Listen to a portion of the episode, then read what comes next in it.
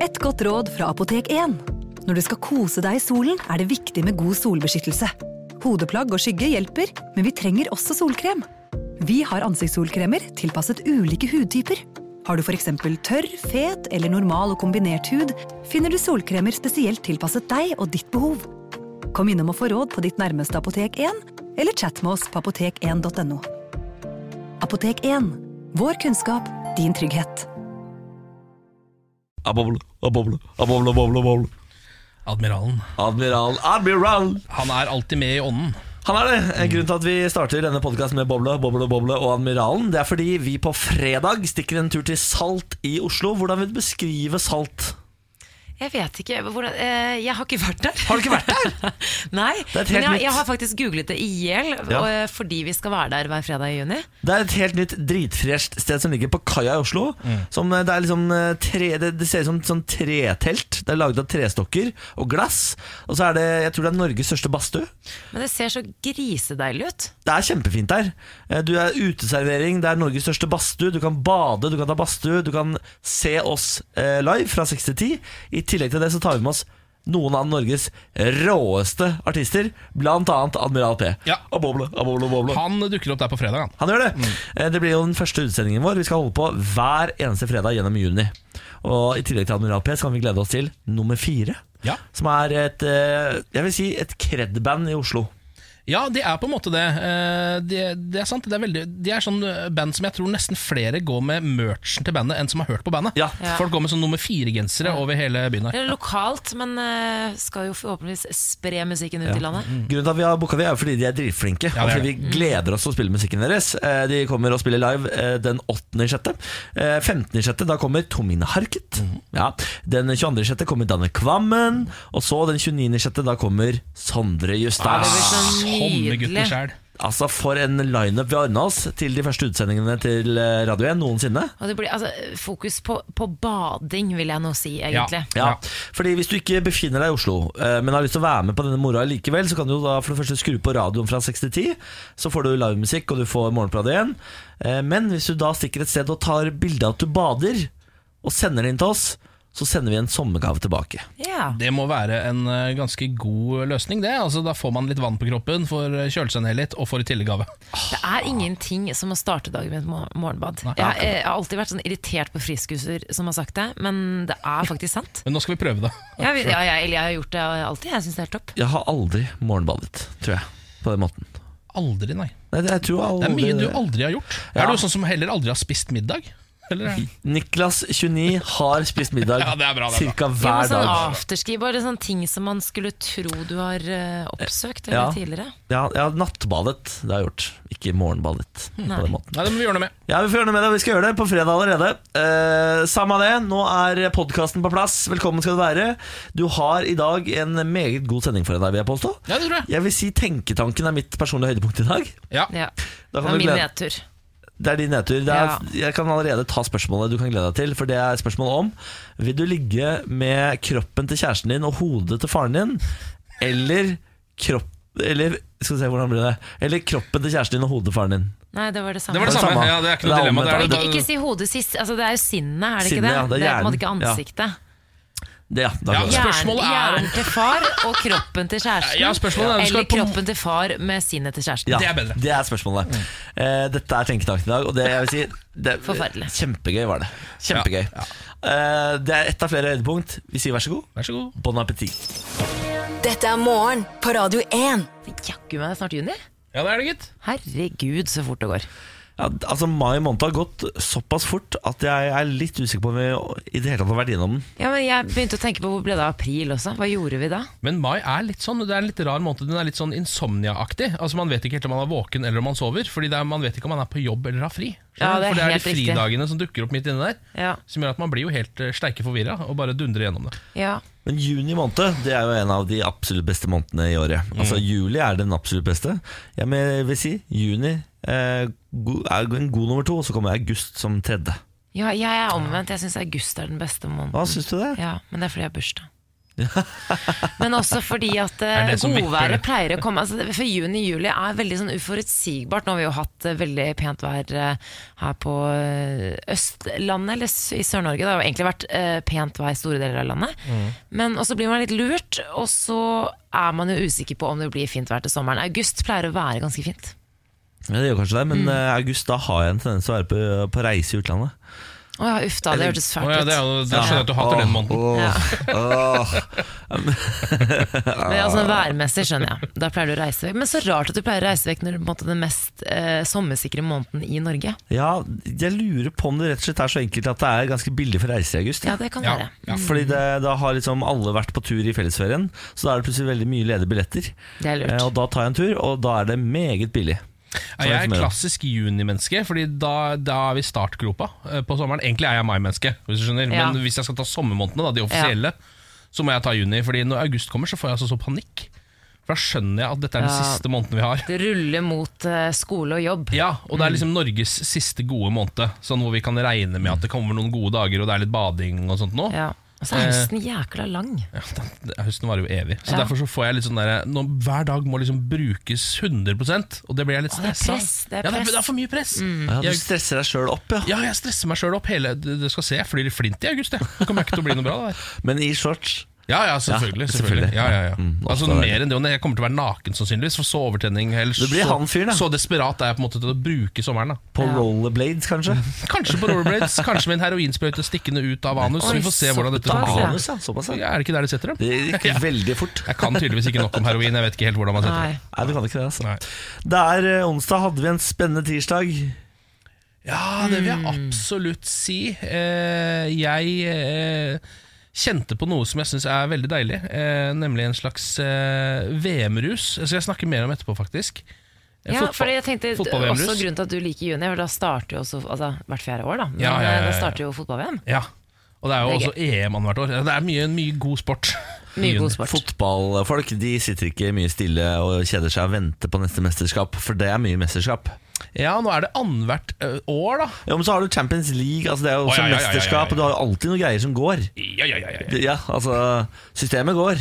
Har ikke du funnet deg en sånn type hobby som, bare, som går og ruller, som du ikke har kontroll over selv? Eh, Som du alltid blir like overraska over hvor glad du blir for å følge med? Jo, men eh, det er, for meg er jo det gaming. Eh, og det er så skambelagt at jeg kan ikke sitte med hodet høyt hevet eh, like tydelig som deg og snakke Nei. om det. For da eh, For det første så må jeg gjennom så mange spørsmål. Ja. Uh, og for det andre så må jeg si det med et smil, ellers så fremstår jeg så utrolig nerd og døll. Ja, og så er jeg det- syns det er så kjipt, Niklas, at du det er skambelagt. La oss gjøre noe med den saken. Ja, men det er Som helt enig gjeng. Ja, men jeg, altså, jeg spiller jo sikkert like mye som deg, bare at jeg spiller, spiller ikke like nerdespill. Så derfor så For du Ja, der spiller ser du. Fifa, Ja, litt, sånn, litt mer Fifa og litt mer sånn Far Cry. casual games, som Ja. de Jeg syns kaller det er det. litt sånn divanykker i den, eh, håper å si, det miljøet der. Du sitter jo liksom og Ja. ja. du, du, du spiller Ja, bare grei- Men grunnen til at han sier altså, Det der er jo for, Vi ler jo av sånn som Ken. Vi sier ha-ha, sier ja, de som Ken. Ja, for det er bare sånn hobby eller sånn Ja, Fifa. Det har jo ingenting ting. med ferdigheter å gjøre, dessverre. Ja, akkurat Fifa har vel kanskje Akkurat det, men FIFA kanskje ja, ja. Men Far Cry, for eksempel, det er jo en, det er som å lese en eventyrbok. Hvorfor har det ikke blitt lagd en realityserie om gaming? Fordi det først kommer nå, alle de store mediehusene er jo bak. Det er jo ingen som har tatt gaming seriøst i Norge. Sverige og Danmark er det kjempestort. Når eh, gaming, danske gaminglag vinner mesterskap sånn, så skriver jo statsministeren på Twitter som om uh, Ja. Klæbo vinner. Ja, Ja. For de tar det virkelig seriøst. Ja, ja, de sender det, på, det. sender det på DR og sånn. Det syns jeg nesten er litt mye igjen. Fordi ja, det så, er mye igjen, det, det er ikke idrett, liksom. Jo, det er Det, nei, det er det faktisk ikke. Men syns du sjakk er idrett? Eller anerkjenner du sjakk som idrett? Ikke som full idrett, nei. Nei, nei da Da er du ekstremist. Da er du på langt på den høyre sida. Lang. Men, jeg- men, jeg, men, jeg er jo mest, men altså, jeg godtar jo sjakk delvis pga. Magnus Carlsen. Så jeg, for jeg blir såpass glad når han vinner at jeg må liksom tenke sånn Ja, det er jo en stor prestasjon og sånn, men, men, men idrett Jeg føler at det skal være litt mer fysisk enn det. Altså, litt mer fysisk må det være for min, Ja, fordi min det er det på en måte men Det det der syns jeg er så vanskelig. Jeg klarer ikke å bestemme meg, for jeg er egentlig Ja, helt men enig. så er Sudoku også idrett. Da. Altså, det, det, det, er ikke, det er ikke noe sted å sette grensa, plutselig. Ja, men, Idrett skal være noe kroppslig. Du skal bruke kroppen din til noe. og Du skal være en slags atlet, for Ja. meg, da. ja, men må du det, da? Hvorfor må du det? Eh, For da, da kan du heller kalle det andre noe annet. Ja, For det trenger ikke å være Ja, e-sport. Det, er- det, er- Ja, det hjelper jo litt, da. Ja, vi kaller det det. Ja, det holder, det holder det. Ja, For det er veldig fysisk i spillene. Ja, Man sitter jo der og trykker på knappene. Ja, da. Men det er, det er jo en fysisk handling som skjer at, altså, Som fører til at Altså, de har, handlingen ja, du mener at det grafiske? Altså At Ja, er karakterene jo- beveger på seg? Men det er jo altså en, et nivå av presisjon som er helt sinnssykt. Ja, ja, ja. ja, ja. Og et fokusnivå. Ja, altså, de er jo Flere og flere av disse de, idrettsutøverne er jo også eh, topptrente. Fordi de, alle disse gode lagene rundt omkring har jo fått personlige trenere som sørger for at de er i god fysisk helse. Fordi de skal prestere så lenge. Ja, for det varer ganske lenge noen ganger. Altså, Ja. Ja. Så det, det blir mer og mer fysisk, også e-sporten, faktisk. Det er rart å tenke på. Ja. Mm.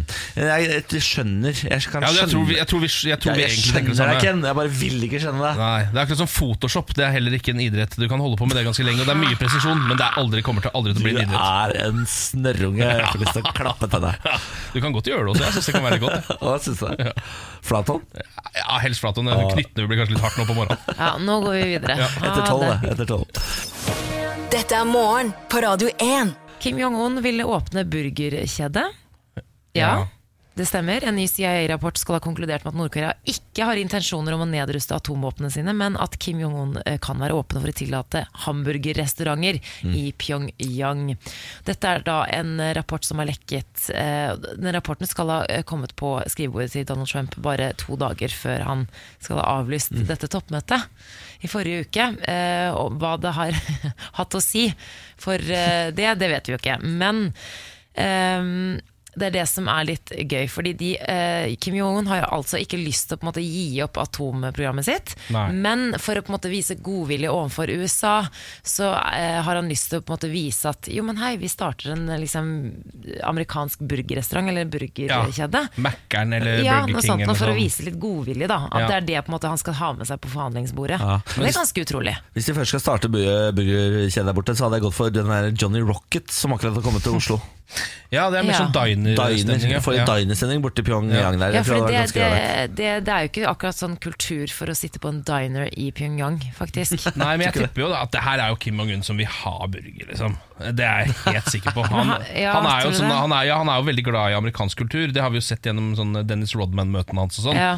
Eh, at han er det. Eh, og det følelsen at skjedd her, er at at de på en måte har hatt At forhandlingen er litt sånn klassisk gi og ta, sånn som det skal være. Ja. Så er det sånn, ok, men da gir jeg deg atomvåpenet, på en måte og så får jeg hamburger eh, Ja, tilbake. så, men han, vil ikke gi opp eh, atomprogrammet. Nei, og det er det som er litt gøy, for nå har det blitt litt sånn der, eh, han, han lurer jo Donald Trump trill rundt her. Han er sånn, først så sier han sånn Ok, gi, eh, jeg skal gi deg atomgreiene, så får jeg burger.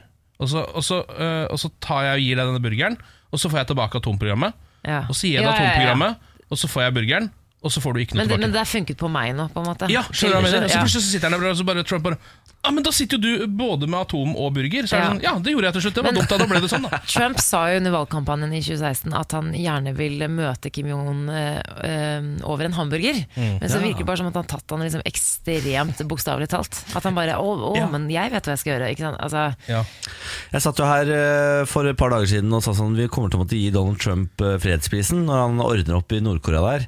Eh, da, det slipper vi jo nå. Hvis det, hvis det får til er å gi en burgersjappe til Nord- Nord-Korea, så slipper vi å gi fredsprisen til Ja. Donald Trump. For det Ja, det er holder sant. ikke som kriterium for å få fredsprisen å starte opp Mækkern i Nord-Korea. Ja, sikkerhet, Du må faktisk ikke ha gjort noe som helst for å få den. Hvis du ser på Barack Obama, hadde vel ikke gjort eh, så mye som en altså, Hadde skrevet under kanskje et par ting borti USA der, så var det fredspris. ja, det, jeg er jo Obama-fan, men den var litt, den var litt Ja. drøy. Han hata den jo sjøl, han ville jo faen ikke ha den. Nei. Det viser jo sånn dokumentar i etterkant at eh, Obama var jo lynforbanna over at han hadde fått eh, Nobels fredspris, Ja. fordi det la så mye bånd på hva han kunne gjøre som president. Er klart Han har vært en ganske fet fyr og ordna opp noen ålreite memes, men noe mer enn det hadde han kanskje ikke gjort på den tida, nei. Nei, Det det, så det, det, det kan fortsatt hende at Donald Trump får uh, fredspris for å starte opp Burger King i Pyongyang. Altså, Altså, hvis Donald det. Trump klarer å bli president i USA og vinne fredsprisen, da takker jeg for meg. Da flytter jeg til Mars. Blir imponert, da. Ja. Altså, om ikke annet, man blir Jeg blir ikke imponert, jeg blir skuffet over folket. Altså, hvem er, sitter en jury og velger Ja, ja. det er nordmenn også som sitter her. Jeg vet det, det er forferdelig. Det var vi som styrer under sjappa der. Ja, ja, ja, ikke tenk på det. Eh, I går så hadde jeg et letemaraton uten like. Eh, lette etter et headset, fordi det, altså det forsvinner hele tiden. Så, som sand mellom fingrene mine. jobb Forsvinner eller hjemme? headset hjemme. Jeg har eh, Tenker du da klart- på hodetelefoner? Hodetelefoner, ja. Ja. Sånne propper til eh, å ha når jeg skal gå ut og gå med bikkja, må jeg ha musikk på ørene. Eh, eh, Bikkja begynner å pipe, han må ut, og jeg begynner å lete etter dette headsetet. Begynner å bli irritert. Lete, lete, lete. Eh, Men jeg har altså vært så flink i det siste. Jeg har, nå legger jeg alltid disse øreproppene i skuffen på soverommet. Der, hver gang jeg kommer inn, legger jeg de der, og hver gang jeg skal ut, tar jeg de ut derfra. Eh, Går selvfølgelig da rett til skuffen på soverommet, begynner å lete. Ikke der, tenker jeg sånn, faen, nå har jeg brutt min egen regel, nå har jeg lagt det et eller annet sted. Begynner å lete, lete, lete, lete. He, altså, all, hver eneste skuff i hele huset.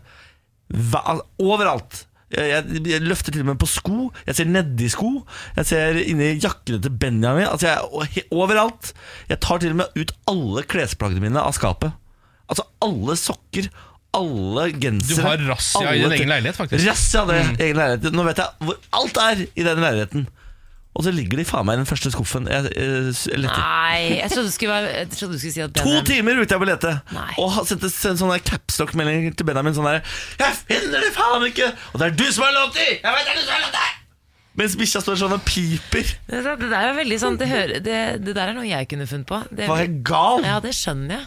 Men, men du så det ikke? Jeg så det ikke. Nei, jeg Jeg så det rett og slett ikke. Og jeg sjekka den skuffen sikkert fem ganger før jeg begynte å lete. Ja, Det der er noe dritt. Altså, jeg husker jeg satte endevendte et helt torg en gang. Altså, det vil si satte i gang alle menneskene der fordi at noen hadde stjålet solbrillene mine. Og så var det en som sa de er på, i panna di. Og det er jo veldig klassisk. Det skjer jo hele tiden med folk. Ja, men det er så flaut. Ja, det er Ja. Det er helt håpløst.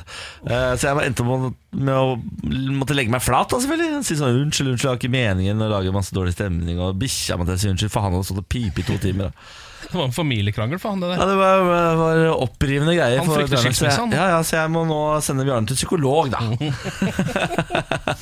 Morgen på Radio 1.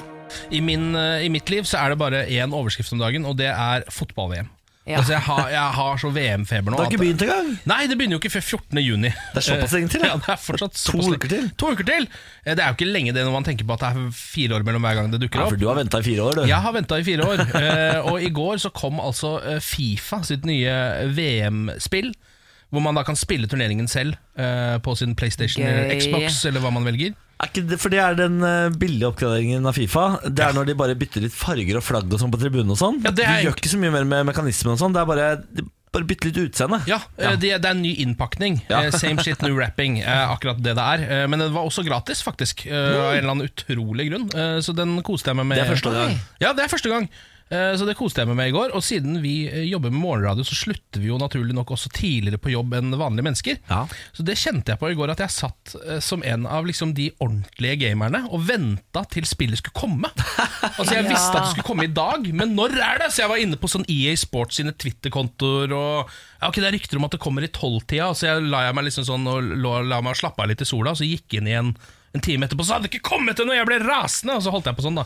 Så kom, Det var online? ja, Ja, og så kom det en time seinere, og så lasta jeg den. når kom det, da? Når, når fikk du begynt å spille? Hvor mange timer spilte du? i Jeg fikk spilt ganske mange timer, fordi det kom i halv to-tiden. Ja, nettopp, Og da ble jeg sittende med det da utover kvelden sammen med en, eh, en god kumpan eh, av meg, og tok et par beger og koste oss med Fifa. Da høres koselig ut. Og det jeg kjente på da, er en sånn altså, Det som jeg har skjønt at fotball-VM gjør med meg, er at jeg har den samme følelsen som jeg hadde da jeg var seks eller Ja, syv år gammel. nettopp. Ennå i Ja, kroppen. Ja, det er Det, det, er sånn, det er ganske deilig følelse, da. At du kan kjenne på den allerede nå. Veldig få ting som gir den følelsen. Kanskje egentlig ingen andre ting for min del. Det er sånn litt julaften, fordi man får de gavene og har liksom litt den der sitrende følelsen. Men bortsett fra det, bare fotball. Det jeg glemmer, jeg glemmer til å tippe. Jeg husker EM, EM for to år siden. Ja. Ja, Da vant jeg på sånne usannsynlige kamper. Eh, 4000 kroner. Ja, altså, jeg er også bettingmester Ja. Er bettingmester under mesterskap. Ja. Eh, Fordi i, eh, i gruppespillet så må du bare ta kombinasjonsspill på de helt så åpenbare kampene, sånn at du får samleodd som er ganske høy. Ja. Sette inn en god del penger, så vinner du så mye penger at du ja, vasser i det. Så gøy. Vi har fått en uh, melding på Instagram fra Stine som skriver Tusen takk for koppen. Hun har altså vunnet kopp, åpenbart. Ja. Hver morgen helt fra starten har jeg fulgt dere, så i dag var det ekstra sas med eget krus fra dere. Hilsen resepsjonsdisken hos ERV. Ja vel. Det er koselig, så takk for melding, Stine. Vær så god for kopp. Vær stolt av den. Apropos gambling for øvrig. Klinikk starter behandling av kryptoavhengige. Dette eh, Ja. Ah, henger jo litt sammen. Det er jo kryptovaluta. Det er jo en enorm trend for tiden. Alle har vel nesten en venn, tror jeg, som snakker mye om dette. Fordi jeg føler alle vendinger eh, har en person som sier sånn Har du hørt om bitcoin, eller? Ja. Har tjent meg jævla stinn på bitcoin i det siste. Ja, Det er nesten blitt sånn at hver vennegjeng har én kryptomillionær nå. Ja, eh, og det har en skotsk klinikk eh, åpenbart skjønt, fordi nå har de begynt med avhengighetsbehandling av eh, folk som liksom har blitt hekta på kryptovaluta. Ja, og Når du mener hekta på kryptovaluta, er det da at de putter veldig mye penger i det og sitter og følger Kjøp med hele tiden? kjøp og selg, kjøp ja, og selg. Ikke sant? For det er jo som et slags spill, dette her nesten. Ja. Fordi eh, det som er med bitcoin, i motsetning til veldig mange andre valutaer og aksjer, er at den går ekstremt mye opp og ned. Ja. Så hvis du sitter og følger med, så kan du da kjøpe på en liten topp. Eh, Eller kjøpe på på en liten dupp da og selge på topp. Og Det kan du gjøre hele tiden. Og på den måten tjene deg rikere og rikere. og rikere Mm. men Taper du ikke en del på det? Det er akkurat det, fordi det er helt umulig å vite om den går opp eller ned. Så hvis du gjør dette feil vei, så taper du jo masse masse penger. Ja, Hvis du har en litt lang runde på toalettet, så har du plutselig mista flere millioner. Det er akkurat det. Det gir spenning og virkelighetsflukt. Bitcoin for eksempel, har blitt eh, enormt mye tradet eh, med tap og gevinst. Det er en klassisk boblesituasjon, sier gamblingterapeut Chris Byrne. Denne finnes da i Skottland, hvis du har lyst til å stikke på denne klinikken.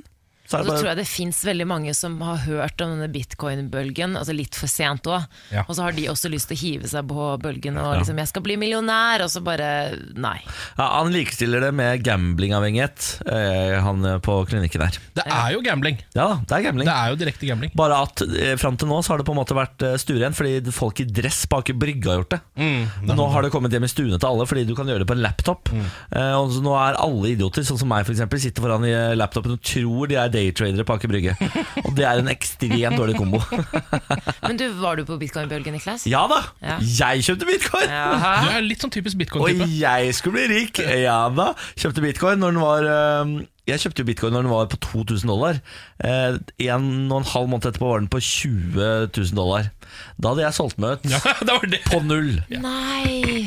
Så det gikk veldig bra, det der! Der ser du. Godværet gir eh, dårlig samvittighet. Jeg som alle andre nyter jo eh, godværet værgudene har servert oss. Eh, det, er, det, det er fint vær i store deler av landet, ikke i nord.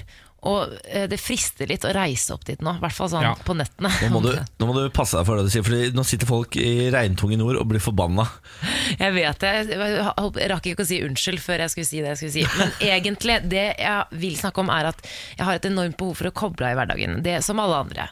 Og når det er så fint vær, og vi er ferdig så tidlig på jobb, så har jeg på en måte ikke samvittighet til å sitte i sofaen og se på serier når sola skinner, og og det er så fint. på det, ja. Fordi, ja, ja, veldig.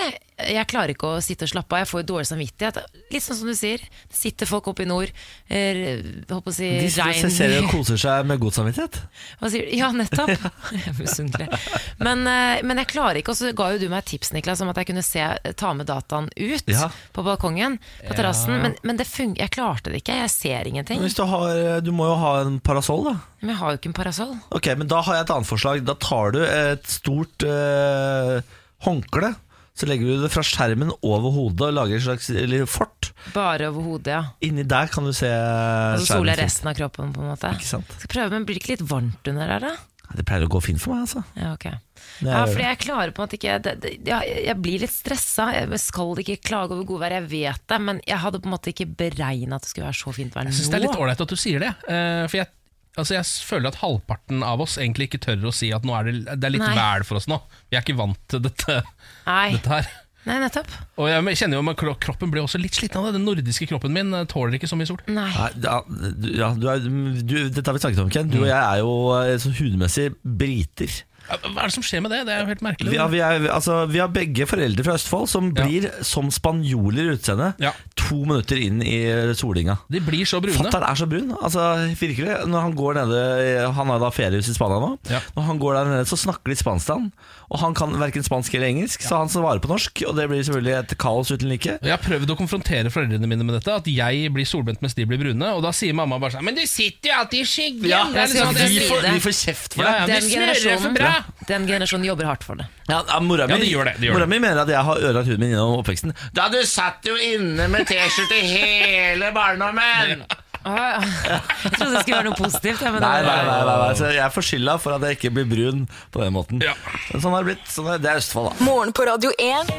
Hverdager fra sex. Eh, har du fått med dere Color Line-saken, som det skrives veldig mye om for tiden? Nei, jeg har ikke klikket meg inn på den. Fortell. Det er nå eh, snakk om sosial dumping i Norge.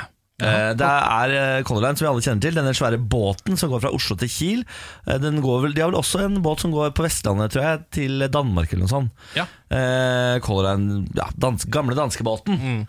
De har jo 1800 norske ansatte, eh, men vurderer nå å flagge ut av Norge, i hvert fall deler av bedriften.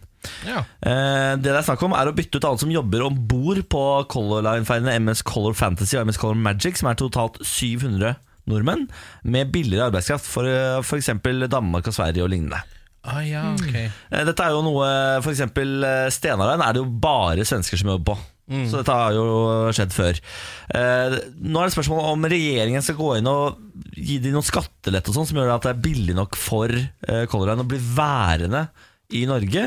Eller så er spørsmålet om eh, regjeringen skal si, være stramme og harde og si sånn Nei, dere får bli i Norge. Dere har tross alt noen forpliktelser. Dere har vært her i mange år. Det er mange nord- nordmenn som jobber her. Ja, sånn. Kjenn litt på samvittigheten. Om de skal på en måte enten være hyggelige eller legge press. Ja, det er akkurat det. Fordi Ja. Idet de er hyggelige mot Color Line, så er de også hyggelige mot andre. ikke sant? Så det åpner døra for flere. Så det er på en måte to alternativer her nå. Enten så flagger Kiel-fergen ut, og 700 norske arbeidsplasser ryker. Eller så kan man ende på altså, virkelig minussida, og da kan hele, hele Color Line flagge ut til Danmark, og da forsvinner 2500 norske arbeidsplasser. Oh, fake. Men den er litt vanskelig. Hvilken strategi skal man velge? Det er akkurat det. Eh, man må jo håpe at man klarer å finne et, eh, et felles midtpunkt her, hvor Color Line føler litt på samvittigheten over at de har vært i Norge i så mange år. De har såpass mange nordmenn på arbeidslista. Det går såpass bra med Color Line. De tjener masse masse penger. Det er ingen grunn til at de skal flagge ut. Mm. At de føler litt på samvittigheten, og kanskje eh, norske myndigheter er såpass rause at de finner noen sånn gulrøtter å gi dem for å bli værende i Norge.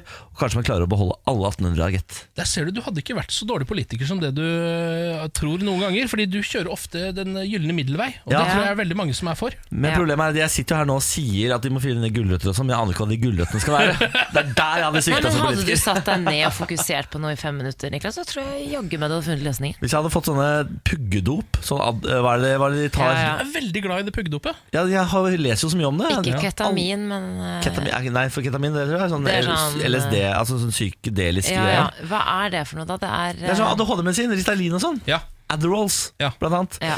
Ja, Samme det. Ja men, ja, men det er ikke helt det samme heller, for det er jo, mange, det er jo eksamenstid for mange. Så ikke ta ketamin, ta Ritalin hvis du, Hvis du først skal- skal begynne med dette. skal Ta riktig, i hvert fall. Eller ikke noe i det hele tatt. Eller ikke noe i det hele tatt. Eh, Vi må innom denne saken her, Samantha, som du har lest opp i nyhetene allerede. Ja. Nordmenn mener norsk kultur er overlegen. Ja. Den er NRK. Norge. Norge. Norge er det eneste av 15 vesteuropeiske land hvor mer enn halvparten av befolkningen mener deres egen kultur er overlegen, ifølge en ny undersøkelse, Ja. som NRK siterer her. Folket vårt er ikke perfekt, men vi har en kultur som er bedre enn andre, Det er oppfatningen som går igjen blant nordmenn. Sympatiske greier. Men er kulturen så bra hvis vi mener at vi er bedre enn alle andre? For det, det Ja, går litt ja. mot seg selv. Det er, det det, eh, og det er det eh, Thomas Hylland Eriksen, en av Norges smarteste menn, eh, som ofte siteres når vi skal ha noe smart fra Norge. Man skal alltid høre på Thomas Hylland Eriksen. Ja, og Han sier tallene reflekterer en utbredt norsk selvgodhet som har styrket seg etter at Norge har blitt et absurd rikt land, mener Thomas Hylland Eriksen ved Universitetet i Oslo. Det er jo et av med når du har Det, det, det ser man jo veldig fort på f.eks. reality-programmer. Fordi når du ser eh, Si Robinson, da. Det tar en halv uke før de sitter på den øya og savner Norge og Norge. Og når de får, eh, når de får uh, melkesjokolade etter en halv uke på Robinsonøya, så gråter de. Men det er så gøy. Altså, nordmenn er egentlig sånn veldig Vi er uh, en, altså, rare typer fordi det er sånn ironisk Du har janteloven som er sånn du skal ikke tro at du er bedre enn eh, liksom, bla, bla, bla. Og så har du Men så er vi så sinnssykt selvgode. Vi tror jo at vi er best. Men kollektivt får du lov til å tro så mye du vil Ja. om deg sjøl. Altså, så om landet vårt kan vi tro kollektivt. Eh, Janteloven gjelder ikke. kollektivt. Nei, det gjelder bare én og én. Ja, Ja. Men jeg syns, jeg syns ikke vi akkurat følger den hele tiden, uansett om det er kollektivt eller ikke. Kanskje vi skal utvide janteloven i 2018-versjonen? Det Kanskje gjelder også kollektivt. Legge på noen nye regler. Da. For Ja. det er sånn som, eh, altså det står her for eksempel, På andre siden av skalaen ligger Spania, hvor kun to av ti syns at deres kultur er bedre enn Og andres. Vi elsker jo Spania! Ja, Spania har mye bedre kultur enn det vi har. Alle som har bodd i Norge hele livet, flytter til Spania. ja, ja men Norge er best. Vi snakker jo bare om Ja, Norge Norge, når vi er der nede. Så det, er jo, det sier jo seg selv. La de tjukke være tjukke. Eh, Dette er et. Facebook-innlegg som svenske eh, Erika eh, Gilbertsson fra Stockholm har skrevet, som eh, på under ett døgn har fått over 150 000 likes. Hun skriver følgende I dag gikk jeg forbi en mamma og hennes tre barn. To av barna pratet om hvor tjukk jeg var. Først tjukk, og deretter kjempetjukk. Etter å ha overhørt barna snudde Erika seg mot dem og sa at det var dumt å kommentere andres kropp. Og i Facebook-innlegget ber 29-åringen om at folk skal slutte å kommentere andres kropper bare fordi de er overvektige. Budskapet Ja. er klinkende klart. La tjukke være. Vi er ikke deres jævla veldedighetsprosjekt, og verken vil eller behøver deres hjelp. Ja, Eh, dere trenger ikke å redde oss, vi trenger ikke å reddes. nei eh, litt spesielt å skrive et sånn samfunnsinnlegg på bakgrunn av noe som barn har sagt, syns jeg. Eh, på en måte, fordi det gjenspeiler jo ikke Ja, men barn vet jo ikke bedre. De har jo fått det fra et sted Det, det å være tjukk er noe negativt. Ja, det er for så vidt sant, da men Ja. de er jo også på en måte de ærligste. De ser, bare, de ser jo på en måte bare tjukk og tynn, og de har jo liksom ikke Ja. tenkt noe mer over det.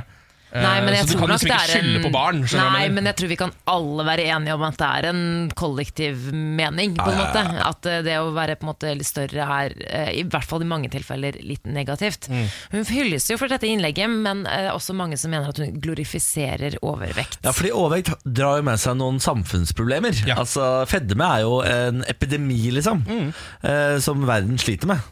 Så, eh, og det koster samfunnet milliarder av kroner at eh, folk er, blir syke av å være sykelig overvektige. Så man kan, kan ikke bare eh, man, Nei, men det er, det er vel egentlig ikke det hun gjør. For jeg tenker sånn, hvis Hun har jo lagt ut et bilde av seg selv i bikini også. og Hun er jo ikke, hun, ikke altså, Men det er det som er alle Det, det som eh, måles som å være overvektig, det er jo veldig eh, Altså BMI, da. Ja, ja. Det skal veldig lite til for at du er over din egen eh, På en måte Det Ja, som er sunt, da. Absolutt. Ja. Og det, jeg syns jo at hun har et poeng med at det skal være så ekstremt negativt ladet og være litt større enn det som er vanlig. Ja, ja, nei, jeg man, skal er aldri, vanlig? man skal aldri kommentere andres kropp, tenker jeg. Nei, nei, er ikke det regel nummer én? Ja, det er jo regel nummer én. Så folk må jo på en måte få lov å ha den kroppen de har, for så forskjellige er vi jo, og alt Ja. er på en måte lov. Men så er det jo også, hvis man ser til USA, så tenker jeg at, eh, Ja, ja. at bitte lite grann skepsis til overvekt er sunt. Ja. Bitte litt grann skepsis. Bare litt kunnskap om hva man spiser. Ja. Det er der, ah. de sliter i ja, hovedsak. ja, det har ikke jeg De tror jo friterte poteter er grønnsaker, f.eks.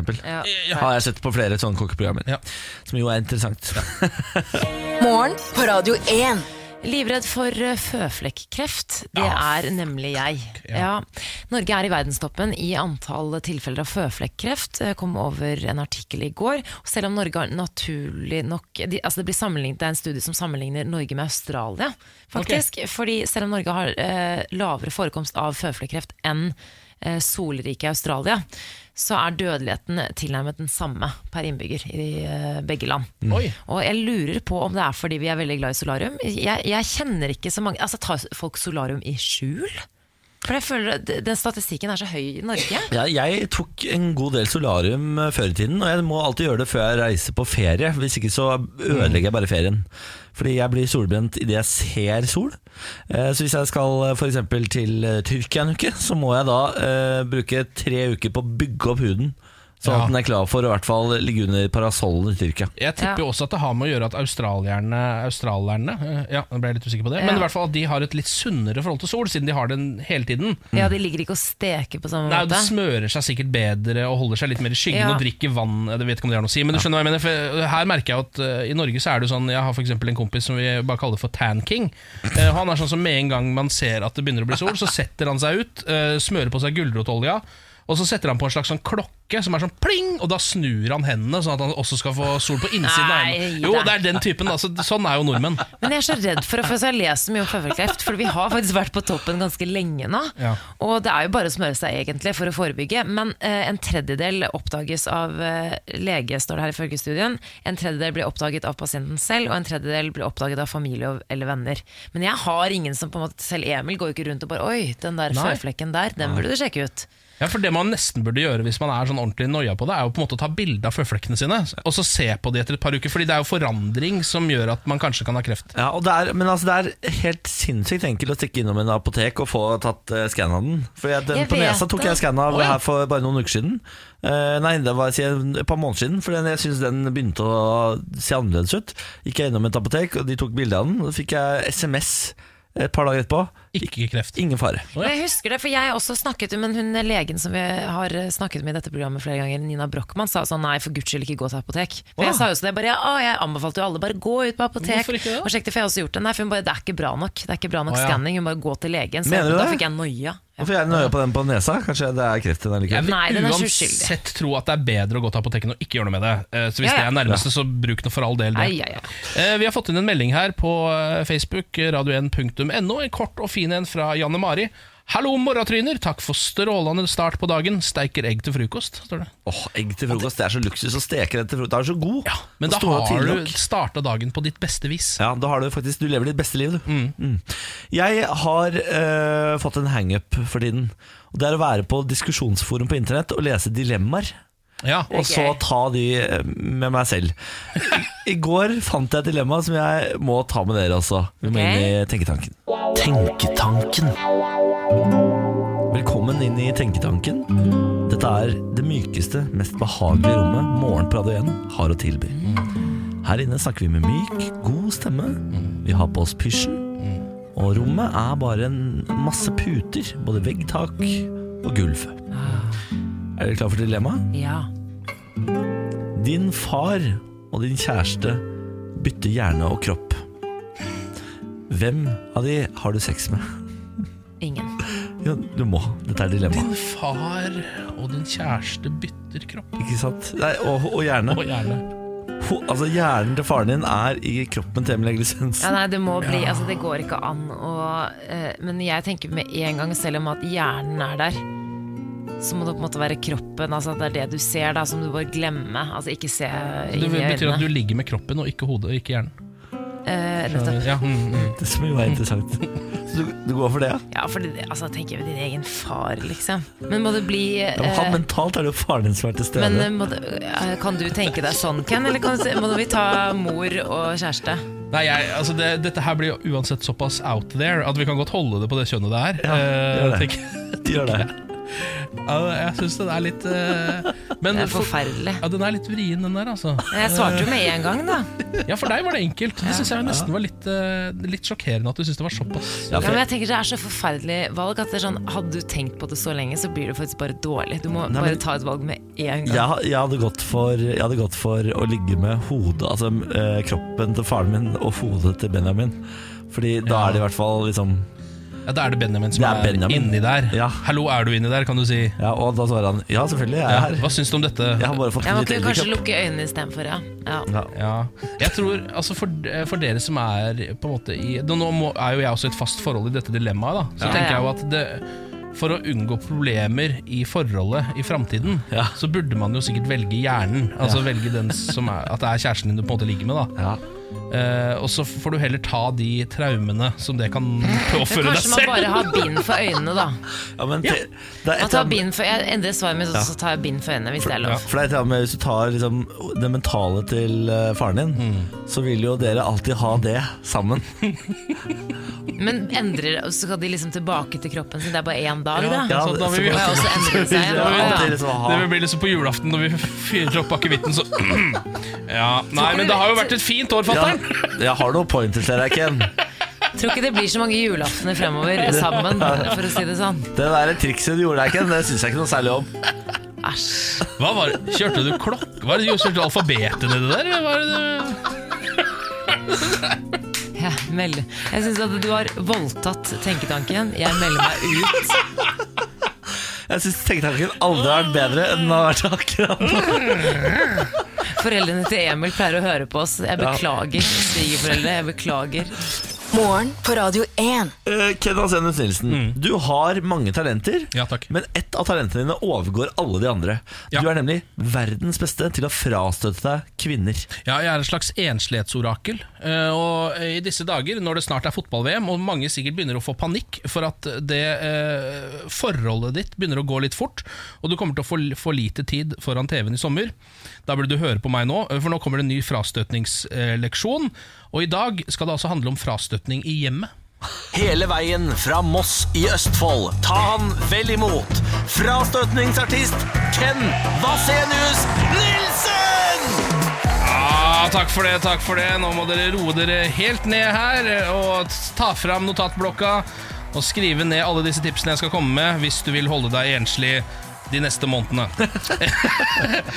Nå er det altså frastøtning i hjemmet. Du har forsøkt alt. Du har forsøkt fotometoden. Du har dratt på med 30-minuttersregelen. Du har uh, kjørt knallhard pussing, men denne kvinnen lar seg ikke frastøte. Uh, så det, du begynner å kjenne at denne kvinnen er på vei inn i din leilighet. Dere, står, eh, dere, dere, dere står ute og begynner å snakke om at ja, 'skal ikke jeg bli med deg hjem snart?' og eh, alle de greiene der. Og da eh, er det noe du burde ha egentlig allerede gjort på forhånd. Det er for sent hvis dere allerede står i heisen, for å si det sånn. Ja. Men hvordan rigger man en leilighet for å gjøre den maksimalt frastøtende? Frastøtningsprepping. Det er frastøtningsprepping! Jeg har min leilighet på denne måten året rundt, i tilfelle det skulle skje noe, og det burde kanskje du også gjøre. Begynn med kjøleskapet. Hiv alt som er der, og legg inn følgende gjenstander. En åpna sprøstekt løkpose. Halvannen liter cola med bare bunnslam igjen, og en Nesti-flaske halvfylt med morrapiss. Nå har du altså verdens, verdens mest frastøtende kjøleskap. Og kvinner er ganske opptatt av kjøleskap. Ja. Faktisk mer enn oss menn. Hva sier du fall. Mm. Eh, Og så må du da begynne å plante frastøtende gjenstander rundt om i leiligheten din. Og boka The Game, sjekkeboka, er paradoksalt nok noe av det mest frastøtende du kan Ja, ha. det tror jeg, det tror jeg Ja, det, er, det, Ja, det, liggende. kjøper jeg, det kjøper jeg umiddelbart. Ja, så kjør på med flere av den. Du kan f.eks. ha en slengende rundt på senga, ha en på dass, en på stuebordet osv. En på gulvet kan også være ålreit å ha. Ja. Du må ha flere av den. Mange av den. Litt sånn at folk tenker at denne leser han hele tiden. Det er det eneste han gjør. Eh, og så må du rigge PC-en eller iPaden eller hva det nå spiller musikk fra, eh, på en veldig smart måte. Her må det ligge noe knallhard nettporno klar til avfyring. Altså Aller helst noe annet, for det er det som er mest frastøtende, så vidt jeg har skjønt. Eh, Men, så det vil si at du må heller ikke ha på noe musikk i leiligheten når kvinnen kommer inn. Så du sier sånn, ja, men gå bort og sett på noe. Og så peker du bort på PC-en din, og idet den dras opp, så bare Anal smeller Extreme den. Riders. Ja, da er det Rectal Riders 5 som dundrer opp eh, der. Gjerne med veldig høyt volum. Veldig, veldig veldig høyt volum, sånn at du nesten skvetter av volumet. Sånn, «Ah!» Ja. Uh. Det kunne enten vært lyden fra pornofilmen eller fra kvinnen. Det kan man Ja. velge litt selv. Um, og det er, det, altså, de flest... begge deler, tenker Ja, jeg. kanskje begge Ja, deler. jeg det sånn, «Ah! Ah!» Det er for sånn da um, De fleste kvinner vil nå egentlig være frastøtt og vil ikke engang merke at du har urin i kjøleskapet, faktisk. Fordi de vil gå ut derfra før de har sett inn i Ja. kjøleskapet. Men altså, det fins også en det jeg kaller en snarvei, da, som ikke jeg pleier å bruke, for det blir litt for enkelt for en frastøtningsartist av er mitt kaliber. Ja, det, jeg er litt for høyt oppe for dette, men du kan også dekorere gangen din med blodflekker. Eh, Ja, for jeg tenkte på det, for det der pornogreiene Det kan også slå andre veien. Altså Plutselig har du en dame som bare hopper Ah, på deg. ja. Men du må ha alle disse tingene. Men blodflekker på Ja. veggen, den Du, tror jeg du funker. finner ikke en dame som liker Ja. kombinasjonen av blodflekker på veggen, analsexvideo og Nei. urin i kjøleskapet. Altså det, det, det, det skal vanskelig gjøres. Ja. Eneste som er problemet med blodflekker, er at du vil sannsynligvis også få politiet på døra. Altså det er litt stress, da. Ja. På en måte. Ja. Du kan jo ta det på innsiden av døra, da, så kun de som eventuelt eh, åpner den døra Ja, Men ser kvinnen vil nok kanskje ringe politiet etter du har gått fra leiligheten din og sett kommer blodflekkene. politiet, så, så ser de på at det er ketsjup. Liksom. Null stress. Ja, det er sant det. Hvis Ja, ikke det ja. er ekte blod. Ja. Det var bra tips. Ja. Ja. Skriv uh, 'Gud i blod på døra'. ja, det kan faktisk være Det kan være ålreit. Altså. Ja. det sånt. For øvrig så kan jeg melde om at jeg er på coveret av eh, Norsk Frastøtningsforbunds medlemsblad. Frastøtning og frigjøring denne måten. Så det, Gratulerer, Ken. jeg er faktisk nesten på coveret der hver, Nå hver skjer det ting med deg, Ja. Ken. Nå, det er nå det skjer. Ja, det er nå det skjer. Book meg gjerne inn. Eh, Det er bare å sende eh, mail til kenradio1.no. Ja. Nei, Det er eh, strålende Ken, å få et innblikk i denne dype kunnskapen du har. Det er jo få mennesker der ute som har akkurat denne kunnskapen, eller som, som kan den så godt da, som Ja. det du kan. Nesten ingen. Altså, jeg blir, helt, jeg blir blått av banen. Altså. Altså, Personlig frastøtning kan jeg også begynne med litt nå. Så Hvis det er noen som sitter på noen scenarioer Noen helt konkrete scenarioer for eh, sommeren og framover, hvor de sliter med noe greier, så send det inn til meg. Og beskriv også eh, utseendet ditt, for det kan Ja. hende det har noe å si. Eller del gjerne historier. Jeg tenker sånn Ja. Det er fint for deg å få høre noen erfaringer. Ja. Sier du nå at du tar imot lytternes Ja. eh, problemer eh, med tiltrekning, og skal gjøre det til frastøtning? Ja, det er det jeg prøver å si. Herregud, for en overgang. Det er bare å sende det inn. Ja, På Facebook, da, kanskje? Ja, ta Facebook, da. Radio1.no på Facebook hvis du trenger hjelp til å frastøte en kvinne eller mann. Eh, her er Ken Vasenus Nilsen, verdens beste frastøtningsartist. jeg gjør det gratis også, utrolig nok. Det, er, det er så raust. Du er Gandhi. Morgen på Radio 1.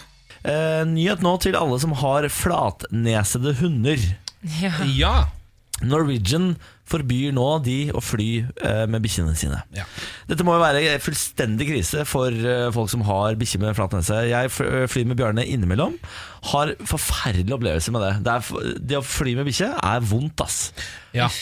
Eh, spesielt Bjarne, for han blir så redd. Så jeg, når jeg sitter i setet mitt på flyet, så hører jeg at det bjeffer fra liksom, Nei, under flyet. under flyet? Ruff, ruff, ruff. Han bjeffer så høyt at du hører det Er ikke det veldig kabinen. vondt i pappahjertet òg, Det da? er helt forferdelig. Helt forferdelig Så, så må de ta meg headset og spille kjempehøy musikk, jeg kan ikke høre på for da begynner jeg å gråte. Men altså bakgrunnen for at ikke de tar med seg disse flatneste stuene, det er fordi de har pusteproblemer? er det Ja, det? det er akkurat det, så Ja. de har ikke noe godt av å fly. Eh, Nei. Det er noen, noen, nye, noen nye anbefalinger fra Veterinary Medical Association, som da Norwegian har tatt til seg og innført et forbud mot disse flatnesede eh, dyrene. Men det er så fælt, for én ting er på en måte om de er redde men hvis de faktisk har pusteproblemer. Altså, det er jo Ja. eh, forferdelig å sitte på fly da. Ja, det er helt forferdelig. Det er eh, hunder som f.eks. Staffordshire Bull Terrier, Mm. som er, det er mange av i Norge, og Boston Terrier for eksempel, for eksempel får ikke lov til å fly med Norwegian. Ja, også fransk bulldog og sånn Ja. eh, går også inn under der. Det er jo Ja. den bikkja jeg har passa, Turnup. Eh, han er jo en fransk bulldog. Og Jeg har veldig sånn ambivalent forhold til de bikkjene, Fordi det er den søteste bikkja jeg veit om. Den er altså, Både sånn utseendemessig og personlighetsmessig så er den helt konge. Men med en gang du tar den med deg ut i parken, og det er litt solskinn, Ja. og du går med den i 20 minutter, så får den altså et astmaanfall som er bare sånn Det høres ut som den kommer til å dø. Mye av dette her er jo fordi man har avla fram øh, Ja, uff, Man har avla fram på liksom sånne trekk som er fine å se på, men som bikkjene ikke har det noe godt med. Det er Eh, og det er elendig trend i, eh, i oppdrettsverden. Man, Ja. eh, det, hundeeiere og hundemiljø må ta seg en bolle. Tenk at man hvis avler frem eh, altså en art som faktisk ikke har det bra sånn rent biologisk, Ja, ja. fordi den ikke er eh, Det er så Ja, fælt. det er litt vanskelig å skjønne eller, For det, det er litt vanskelig å skjønne når man har en sånn fransk bulldog selv. Så når jeg har hatt den, så er den, for den er så glad, den virker jo kjempefornøyd. Men den har jo åpenbart pusteproblemer. Ja. Så det er liksom vanskelig å vite om den selv forstår at den ikke har det bra, eller om den faktisk har det bra. Ja. Skjønner du hva jeg mener? Ja. Men det er, eh, noen av disse bikkjene blir operert sånn at de får det bedre. Og så Mm. er det vel er det mops hvor den, eh, som har for lite kranie ofte. Ja, det sånn at hjernen eh, Kjempelite hue, har du Og de, de grynter veldig mye Ja. også. Ja. Det gjør Og fransk bulldog, og det er, er jo så søte, men uff a meg. det er mer gris enn hund i- Ja. Det er absolutt mer gris enn hund. Mm. Det er helt riktig. Ja, eh, Morgen på Radio 1 Aviser deg Norge, vår lokalavisspalte. Én lokalavis én uke, vi følger den gjennom hele uka. Eh, og det er jo Gjesdalbuen som er denne ukas lokalavis. Dekker Figgjo og Gjesdal i Rogaland. Vi har vært innom saker som Liverpool-fans strømma til terrassen til Jonny, og Jan Reidar ble etterlyst av tysk TV-selskap. Ekstremt mange gode historier. Ja, det er det faktisk det. Eh, og så er det, Jeg liker også at det, at det er liksom på fornavn med folk. Ja, ja, ja. At det er, å, han Jan Reidar er i nyheten i dag. Ja, men Hvis du først bor på Figgjo, og hvis Ja. det er sånn at alle kjenner alle, så elsker jeg at de har de tatt eh, til etterretning. Og så er det Ja. bare Vet du hva, vi kjører fornavn. Ja. Det elsker jeg. Kutt disse etternavnene. Uh, i, I dag er det en litt spesiell uh, sak, fordi det er på en måte en såkalt sånn skråblikkspalte. Som de har kalt Ukens raddel. Som vi skal gjennom i dag Som er skrevet av en fyr som heter En skribent som heter Lars Fiskekjønn. Han har skrevet denne saken i dag. Jeg er tykk, dum og skallet. Eh, Dette er, dette er en sommerkropp-satire. er eh, Herr Fiskekjønn er Hm? Hva er det han sier at han er? Tykk, dum og skallet. Herr Fiskekjønn er tykk, dum og skallet. Okay. Ja. Hvis torsoen min hadde vært en bokstav, hadde den vært en B. Pinglete overkropp og stor vom. Skallet har jeg vært i ti år og tynn i håret siden tenårene. Det er altså ikke noe nytt i det, men når jeg først skal i gang med å totalslakte mitt eget utseende, kan jeg like godt ta hele pakka. At jeg er dum, har for så vidt ingenting med utseende å gjøre, så jeg tok det egentlig bare med for at overskriften skulle gå opp. Dette er et uttrykk, det er et uttrykk journalister og grafiske designere bruker som heter linjefall, og for å få pent linjefall i tittelen måtte jeg legge inn dum. Så der, ja, det er litt meta hvordan han jobber. Dog er det min dumskap som gjør at jeg er feit. Jeg har hatt all verdens mulighet til å holde vekten på et normalt nivå, men jeg slipper meg nedpå, slipper meg ut, glemmer mine plikter, dummer meg ut. Som dere sikkert har fått med dere, har gjestealbuen begynt med live-TV. Oh ja, det? Eh, Ja, Ingenting er så avslørende som direktesendt nettfjernsyn. I hvert fall ikke når produsenten er mer opptatt av å filme reporterens vom enn intervjuobjektene. Jeg oppdaget det da jeg så gjennom noen intervjuer jeg gjorde med ÅHK-trener Leif Gautestad. Ser vi på bildene, er det en elefant i rommet. Og den elefanten er meg. Gautestad knuser meg i skulderbredde, men derfra og ned ser trenerlegenden ut som en smågutt. Han ser ut som noe jeg spiser til frokost, og jeg står der og breser meg med en helt vanvittig ølmage. Dette ble sendt på lufta uten advarsel om sterke inntrykk og stygge bilder, og ble en solid vekker for meg. Så nå er jeg i gang igjen, for Gud, for Gud vet hvilken gang. Løping, styrketrening og rulleski, og nytt kosthold. Konstant sulten, konstant svimmel og konstant sur. Dette blir en trivelig vår. SK 2018, her kommer Fatso. Å, herregud. For en selvkritikk. Altså, for et selvhat. Ja, Lars Fiskkjønn han, øh, han øh, slakter seg selv øh, etter noter. Men han er ikke så dum. Det var liksom som han sa, han la bare inn Var det at jeg er tykk, dum og skallet? Ja, på grunn av linjefall. Ja, han er, ikke, han er ikke så dum, tror jeg. Han, Nei, er bare, han må ikke være så streng med seg selv. Å, herregud. Han er bare tykk og skallet. Men Vet du hva, Lars? Altså, Finn gleden i å være litt uh, tjukk, da. Her kan du ikke bare finne gleden i det, sånn som eh, andre gjør. Jeg tror det er litt selvironi inne i bildet her også. Tror du det? altså. Ja, jeg tror det? Ja, tror For nå skal du på rulleski, da, som er livsfarlig vet du, Ja, gjennom hele sommeren her. ja, ja, ja. Men det er jo, altså, dette her er jo ukens raddel, og det er jo altså litt sånn satirisk eh, skråblikk, tror jeg. Tror vi. Ja, tror vi. vi vet ikke helt, Jeg har ikke lest ukens raddel i mange uker. det har jeg ikke Nei. Men det er fint, altså. Dette, denne avisen her begynner jeg å få ordentlig hjerte for. Ja, jeg òg. Den er, den er god. Gjestalbuen de vet hva de driver med. Gjestalbuen, altså. Fy faen, det er bra levert. Morgen på Radio 1. Hverdager fra seks. Riktig god morgen. Dette er Morgen på Radio 1 med Ken, Samantha og meg, Niklas. God morgen, gjengen. God morgen. Se hva vi har fått besøk av nå, da. Hans Majestet Lars Berrum. Ja. Takk, takk, takk. Oi, ja, nydelig, nydelig, nydelig. Begynner å bli vakkert nå? Ja. Hyggelig å ha deg på besøk, Lars. Veldig hyggelig å være her. Du er jo her ofte for å quize oss. Ja, Skal vi sette i gang? ja kan vi ikke gjøre det? Vi, vi, vi gjør det, da. Lars Bærums morgenquiz. Tre spørsmål. Alle skal besvares. Alle svarene får dere helt til slutt. Jeg vil gjerne, da, som alltid, ha et quizlagnavn.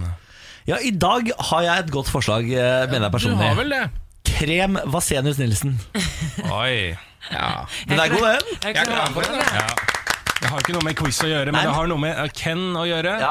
Og han er jo på en måte quizmasteren i gruppa. Ja. Eller De siste Ah. ukene så har Samantha Skogran Ja. ja. steppa opp gamet ganske kraftig her. Jeg syns jeg får for lite kred for alle svarene jeg bidrar med. Jo, men det er fordi du også øh, altså, kommer saboterer mye. Eh, ja. Men du, er, du, er, du, er ikke, du har ikke vært så dum i det siste, Takk for det. eh, men du kaster ut i hytt og gevær, så da blir du også senest dum ut, fordi at du bare slenger deg på. Ja. Hvis du hadde vært en introvert fyr Ja. som bare sa når han virkelig visste at han hadde riktig, Ja. da hadde du framstått mye smartere. Ja. Men jeg liker deg bedre sånn som du er. Altså. Ok, ja, Så ikke hold tilbake. Nei, nei, ikke gjør det. Nei, nei, nei, for all del. Det er, jo, det er jo tross alt et radioprogram. Ja, det er jo det. det, er det. Ja, men Er vi klare for spørsmål nummer én, da? Yes. Ja, hva, hva betyr det svenske ordet endemål? Hva betyr endemål? Ah, altså Jeg tror ikke det er, A det er med tødler. Ikke Endemål. noe som er åpenbart. Nei, ikke sant. Det er ikke, det er ikke Endedestinasjon, på en måte. Det, resultat, liksom. endemål Jeg vet ikke. Det høres jo det høres unektelig ut som noe du skal oppnå, på et vis. Eh, ja, det gjør jo det. Det må jo må være lov å si. Ja. Endemål? Jeg vet ikke. Men er det, kan det være sport? Lars er jo sportsdude. Baklengs? Kan det bety Kan du ikke hjelpe oss litt, da, du Niklas, du som er så god på språk? Ja, men det er ingen problem, hva? Ja, for eh, når du er i en quiz, så er eh, endemålet at vinne. Ikke sant? Det høres jo riktig ut. Mening, eh, Ja, hva, hva betyr det da, da? Nei, det er jo målet, da. Å vinne. Ja, ikke sant? det endelige målet. Det er litt gøy, faktisk, fordi at du bruker det, Niklas, riktig. Eller du kan bruke det sånn, tror jeg. Ja. Men eh, det dere sier det betyr, er feil. Ja, jeg skjønner. Skjønner litt hva jeg mener? Ok, så hvis endemålet er å vinne, så er altså m- målet eller eh, håpet, Meningen. resultatet, meningen ah, Nå er vi inne på noe! Vi er inne på noe, vi er så nære nå! Men skal vi bare si eh, Men Er det for lett å si meningen eller målet? Er det for det, det, Ja, målet Endemålet kan kan ikke bety være. målet. Resultatet. Ja. Ja. Ja. ja, vi Ja. må gå for noe sånt. Ja, Vi går for resultatet, da. Endemål er resultat. Ja. Ja. Ja, jeg, eh, dere ser spørrende på meg, men svarene kommer helt til slutt. Ja, dette vet vi. ja, dette vet Ja, fordi Du var inne på poenget. Jeg tenkte sånn Hensikt, kan det bety det? Hensikt, ja, kanskje Hensikt hensikt Det er er ikke så fint. dumt. Vi prøve det? Vi går for den. Vi går for hensikt. hensikt? Ja, vi prøver. Hvor det kom fra, vet jeg ikke, men det er da endelig svaret avgitt. Yes! Ja, Spørsmål nummer to. Hva heter hovedstaden i Pakistan? Pakistan. Er det ikke et av Islamabad. Er det Islamabad er liksom det jeg tenkte på, men det kan godt hende Ah, fader, har vi hatt dette før? Og så har jeg jo- Så endte vi på feil da også. Ja, Men dette sier du for annethvert spørsmål vi får, så får du déjà Du har vu. quiza for mye, du. Det quizer jo hver dag! Det er umulig. Ja, er det, er ok, Hvilke er det vi har der? da? Vi har Islamabad, og så Ja. har vi um... Teheran, det er Iran. Det er Ja, Iran. det det stemmer. Eh, mm, farken, altså. Men er, er det ikke Islamabad, da? Ok, vi går for Ishamaba. Ja. Ok, Spørsmål nummer tre. Hvilket dyr finner de i kommunevåpenet til både Ringsaker, Aremark og Namsos? Og Namsos òg, ja. ja. Det Det er, veldig, ja, Alltid, ja. ja. Eh, det er jo mye løver og sånn, da, men det, er det ikke det? da? Det er kråke i Moss. Krå, i, Mo- Selvfølgelig. I Moss er det utvilsomt kråke. ja. Her vil jeg at dere Jeg bør dere tenke liksom sånn jeg, jeg, jeg stiller ikke krav om at dere vet dette, men her må vi tenke litt eh, i det større bilde. Namsos, er det bjørn? eller? Kommunevåpenet til tre da Ja, det er bjørn, da. kommuner i Norge. Ja, det er, det er en fugl, da. Kanskje det er faul, ja. Faul. Ja, men jeg tenker hvis det, er, det må jo være et dyr som er såpass rått at så mange kommuner velger å ta det. Ja. Kråke er det på en måte bare Moss som gidder. Det skjønner jeg.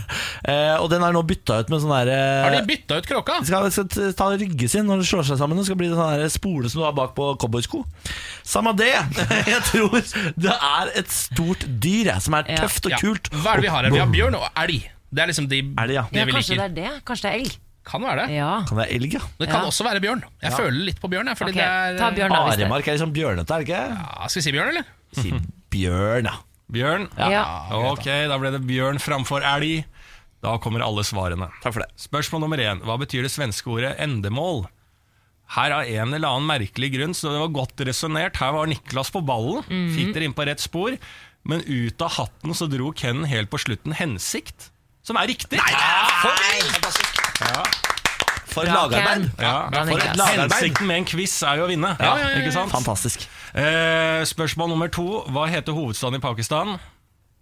Ja, Igjen så smalt det tidlig fra Niklas, Islamabad. ja. Det er riktig, det. Nei, altså. altså. Og her var dere da på vei, og er på vei da, mot tre av tre. Kan det hende at bjørn ikke er rett, Hvilke dyr finner du i kommunevåpenet til både Ringsaker, Aremark og Namsos? Her endte vi opp på godt resonnement igjen, der det sto mellom bjørn og elg, og Ja. elg er dessverre riktig. Nei, Det fader! Da var vi så nære, altså. Ja, I dag følte jeg vi var gode, altså. Ja, men For er Veldig gode på å resonnere, som jeg sier. I dag var vi helt rå. Jeg er så stolt av oss. Bra jobba, Krem av Senus Ja, Nilsen. dette er veldig bra. Lars Berrum, Ja. det var en sann glede. I like måte. Farvel. Farvel. Morgen på Radio 1. Hverdager fra sex. Hvor ofte drømmer du om å være hverdagshelt? Det gjør jeg ganske ofte. Jeg er det nesten aldri. Eh, Men i går så, så jeg en eh, av de sjukeste videoene jeg har sett på lenge, eh, Ja. på internett, eh, av en fyr som redder en baby fra en balkong. Har dere sett denne videoen? Ja. Nei, var, nei, men jeg har sett bilde av det. og Jeg, bare, Ja. jeg tør nesten ikke gå inn. Det ser så skummelt Ja, ut. det er, men, det er, men det er altså en så, såpass glad historie at du burde nesten gjøre det. Ah, ja. Eh, Det handler om en fyr som heter Mamadou Gassama, en 22 år gammel fyr fra Mali, eh, som da har flytta til eh, Paris.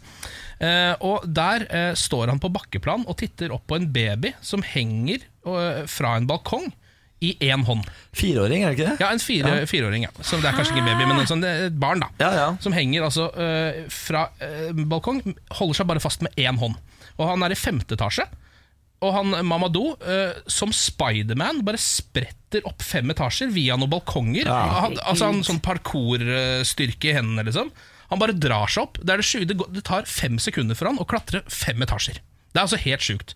Eh, og så går han bort til denne babyen og eh, vipper babyen opp på balkongen og redder den. da Eh, og så eh, er det jo Det er jo masse som er imponerende her. For det første så er det helt sjukt at, han, at, han, at det fins folk som er Spiderman. Det synes jeg er ganske spesielt. Ja, ja. Og at akkurat han var der akkurat da, som også er veldig spesielt. Og så er det også mange som har tenkt på hvordan klarer denne babyen å holde Ja, ja, seg fast i én hånd? Det er det hånd? første jeg tenkte på. Hvordan klarer den fireåringen å holde seg fast? For de fleste hadde jo bare slupp altså, Altså Hvis jeg hadde hengt der, så hadde jeg vært død. Ja, men barn også, de, de er ikke så sterke at de kan bære sin egen kroppsvekt, selv om det er veldig lite. Nei, men det er det det viser seg at de på en måte er, hvis de er små nok. Eh, Fordi det står at svaret kan ligge millioner av år tilbake, fordi eh, barn har veldig god gripeevne, det vet vi jo på en måte. Men den er da altså hå- håndmuskelen deres er blant de sterke, Det er liksom sterkeste muskelen i eh, barnekroppen. Ja. Uh, og det er trolig, mener folk da, fordi at uh, våre hårete forfedre, uh, apene, har det jo på samme måte. De henger jo fast i Ja, kroppen ja, til foreldrene sine.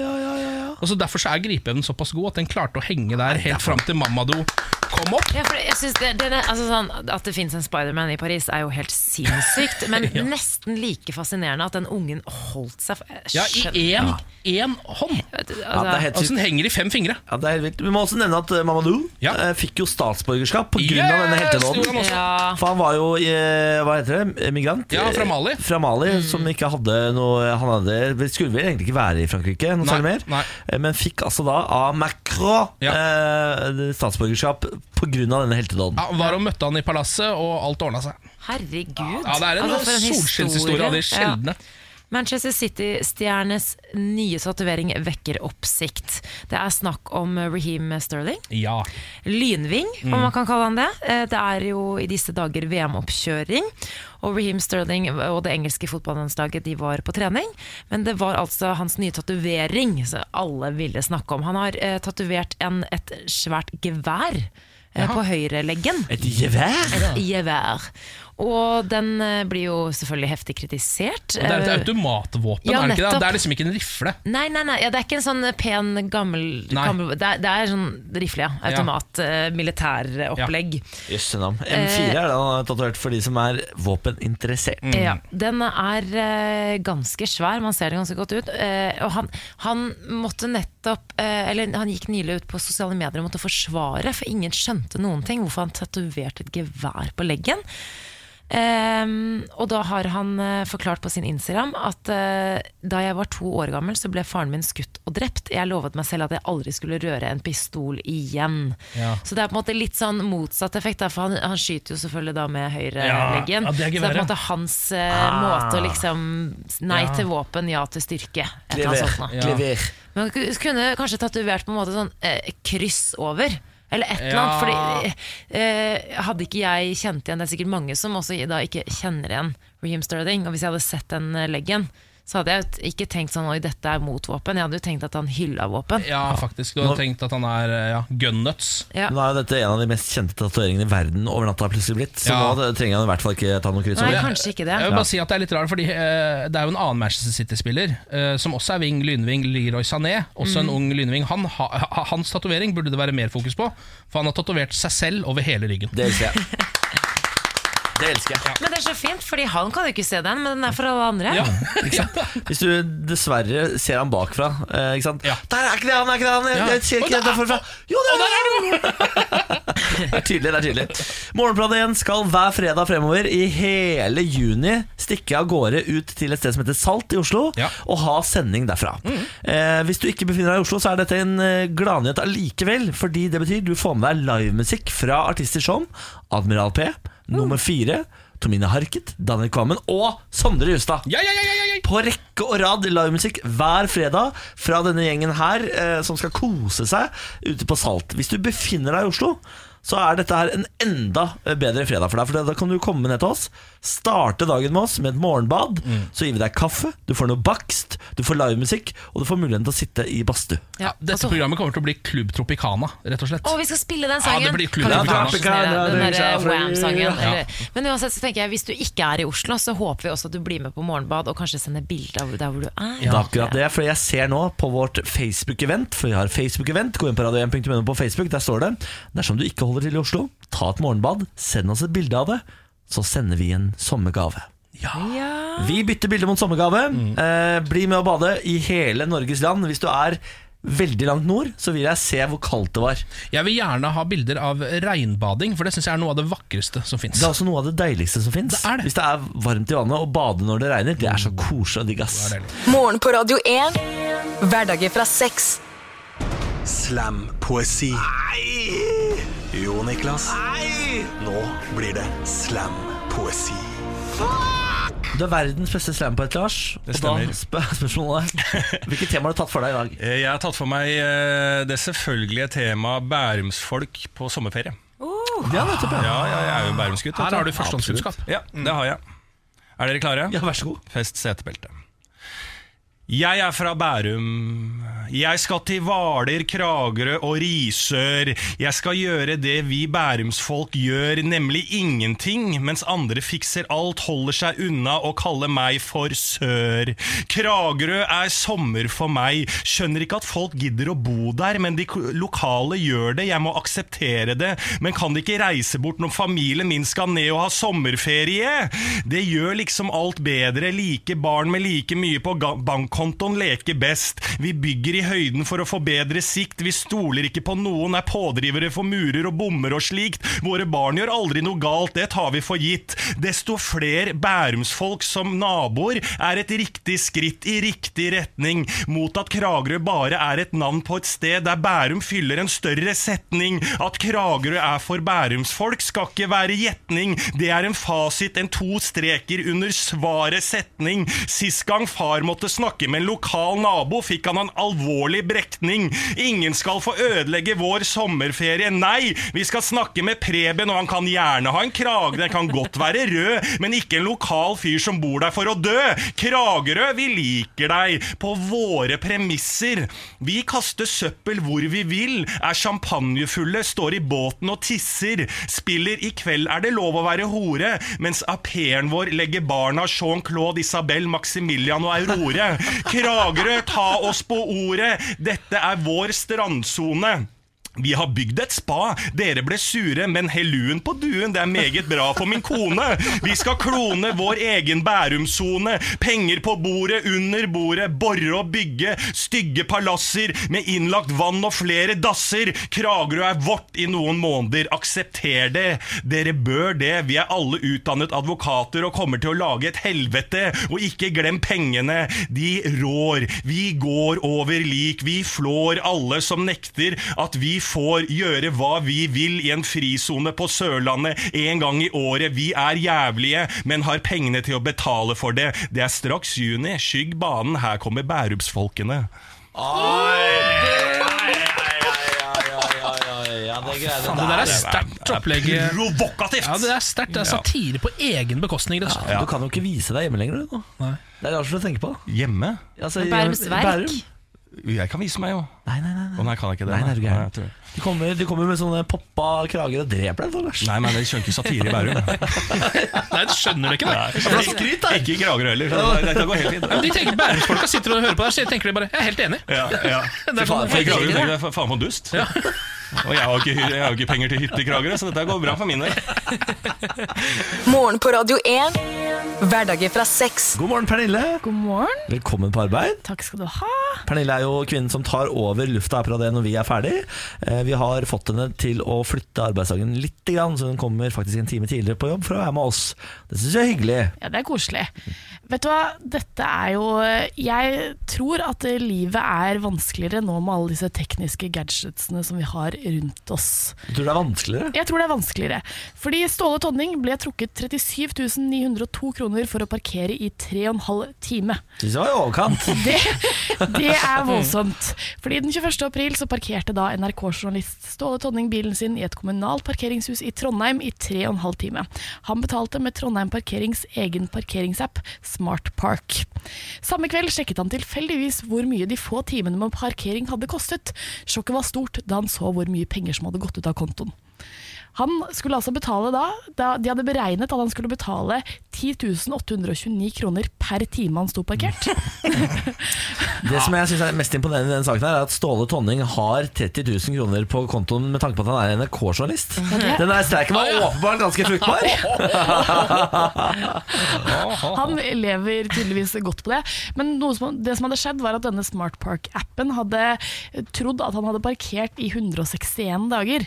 oh ja. Fordi den ikke hadde vært god nok til å registrere sist kjøretøyet hans kjørte ut fra parkeringshuset. Ja.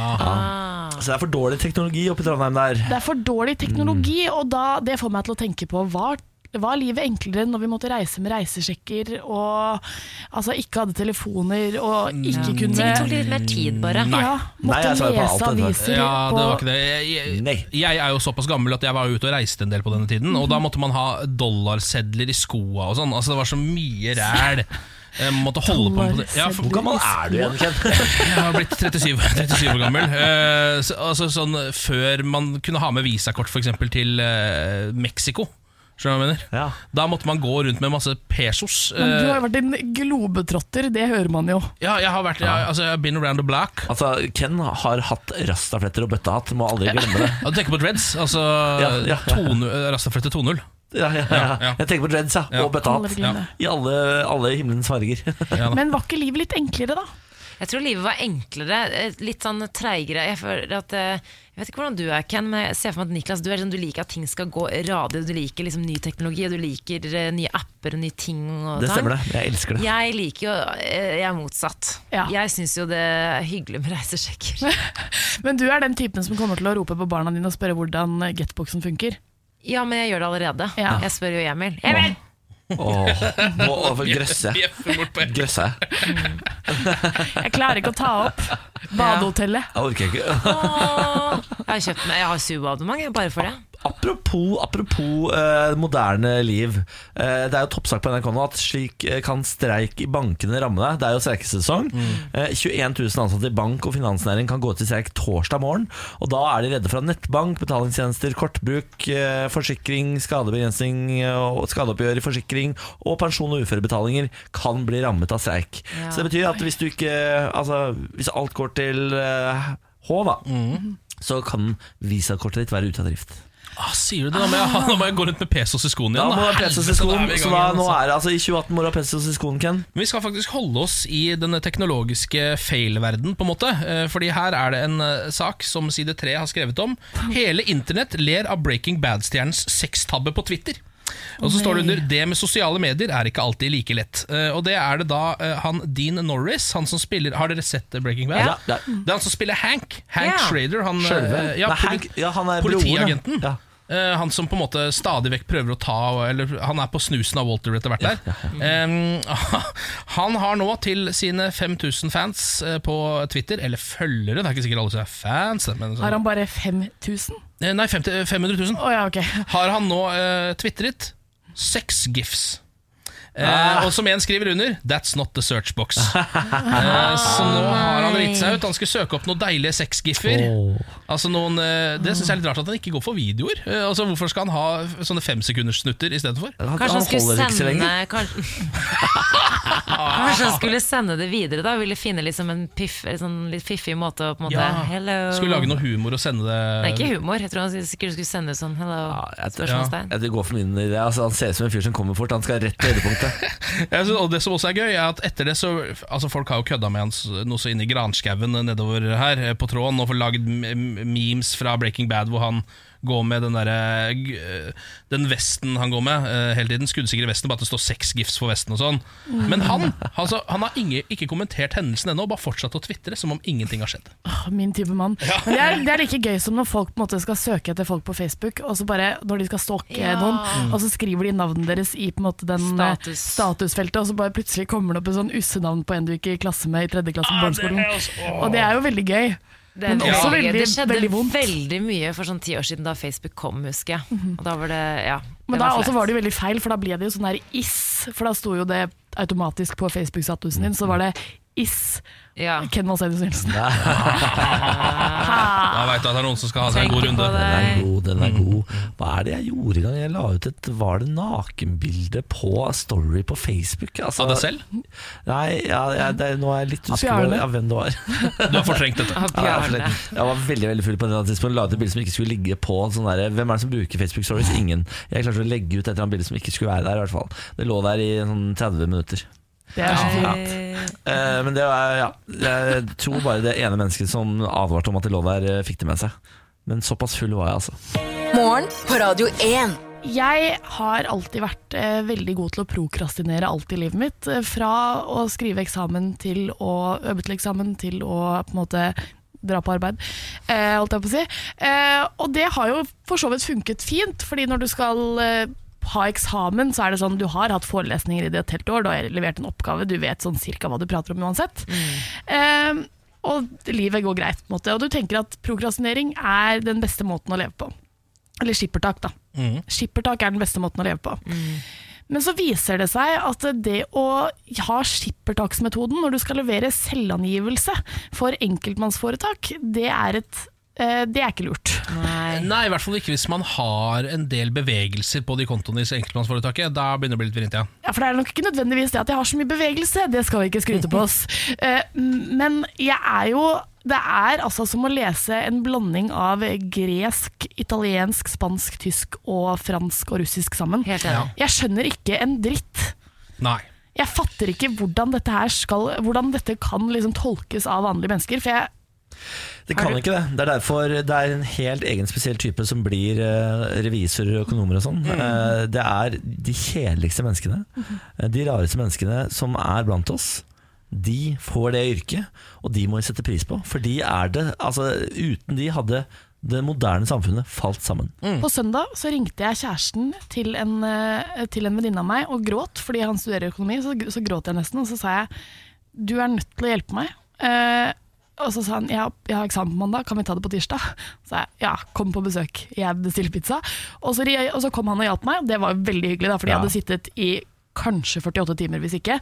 Eh, så kom han og hjalp meg.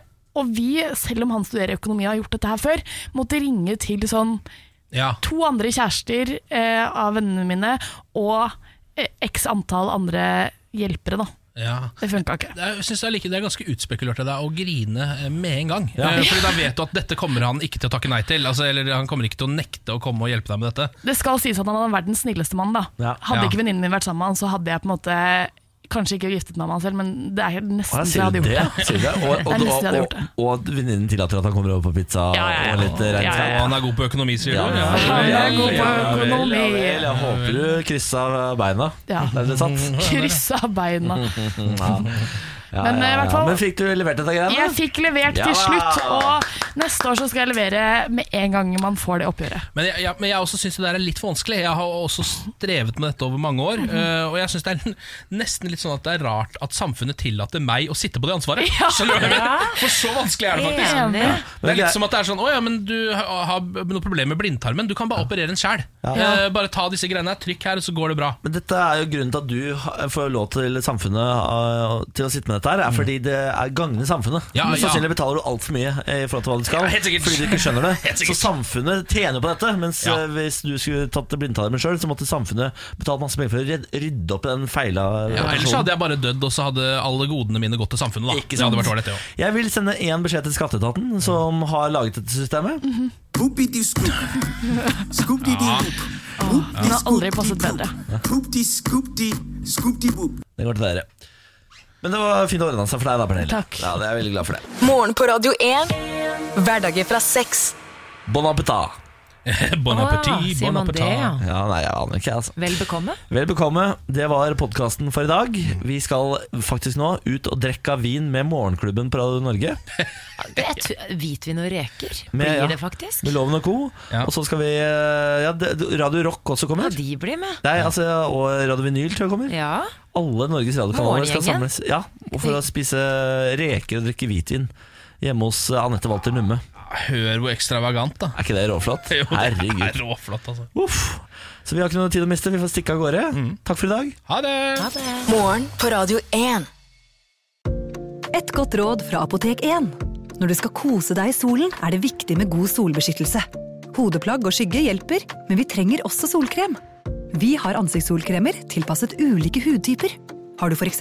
tørr, fet eller normal og kombinert hud, finner du solkremer spesielt tilpasset deg og ditt behov. Kom innom og få råd på ditt nærmeste Apotek 1, eller chat med oss på apotek1.no. Apotek 1. Vår kunnskap, din trygghet.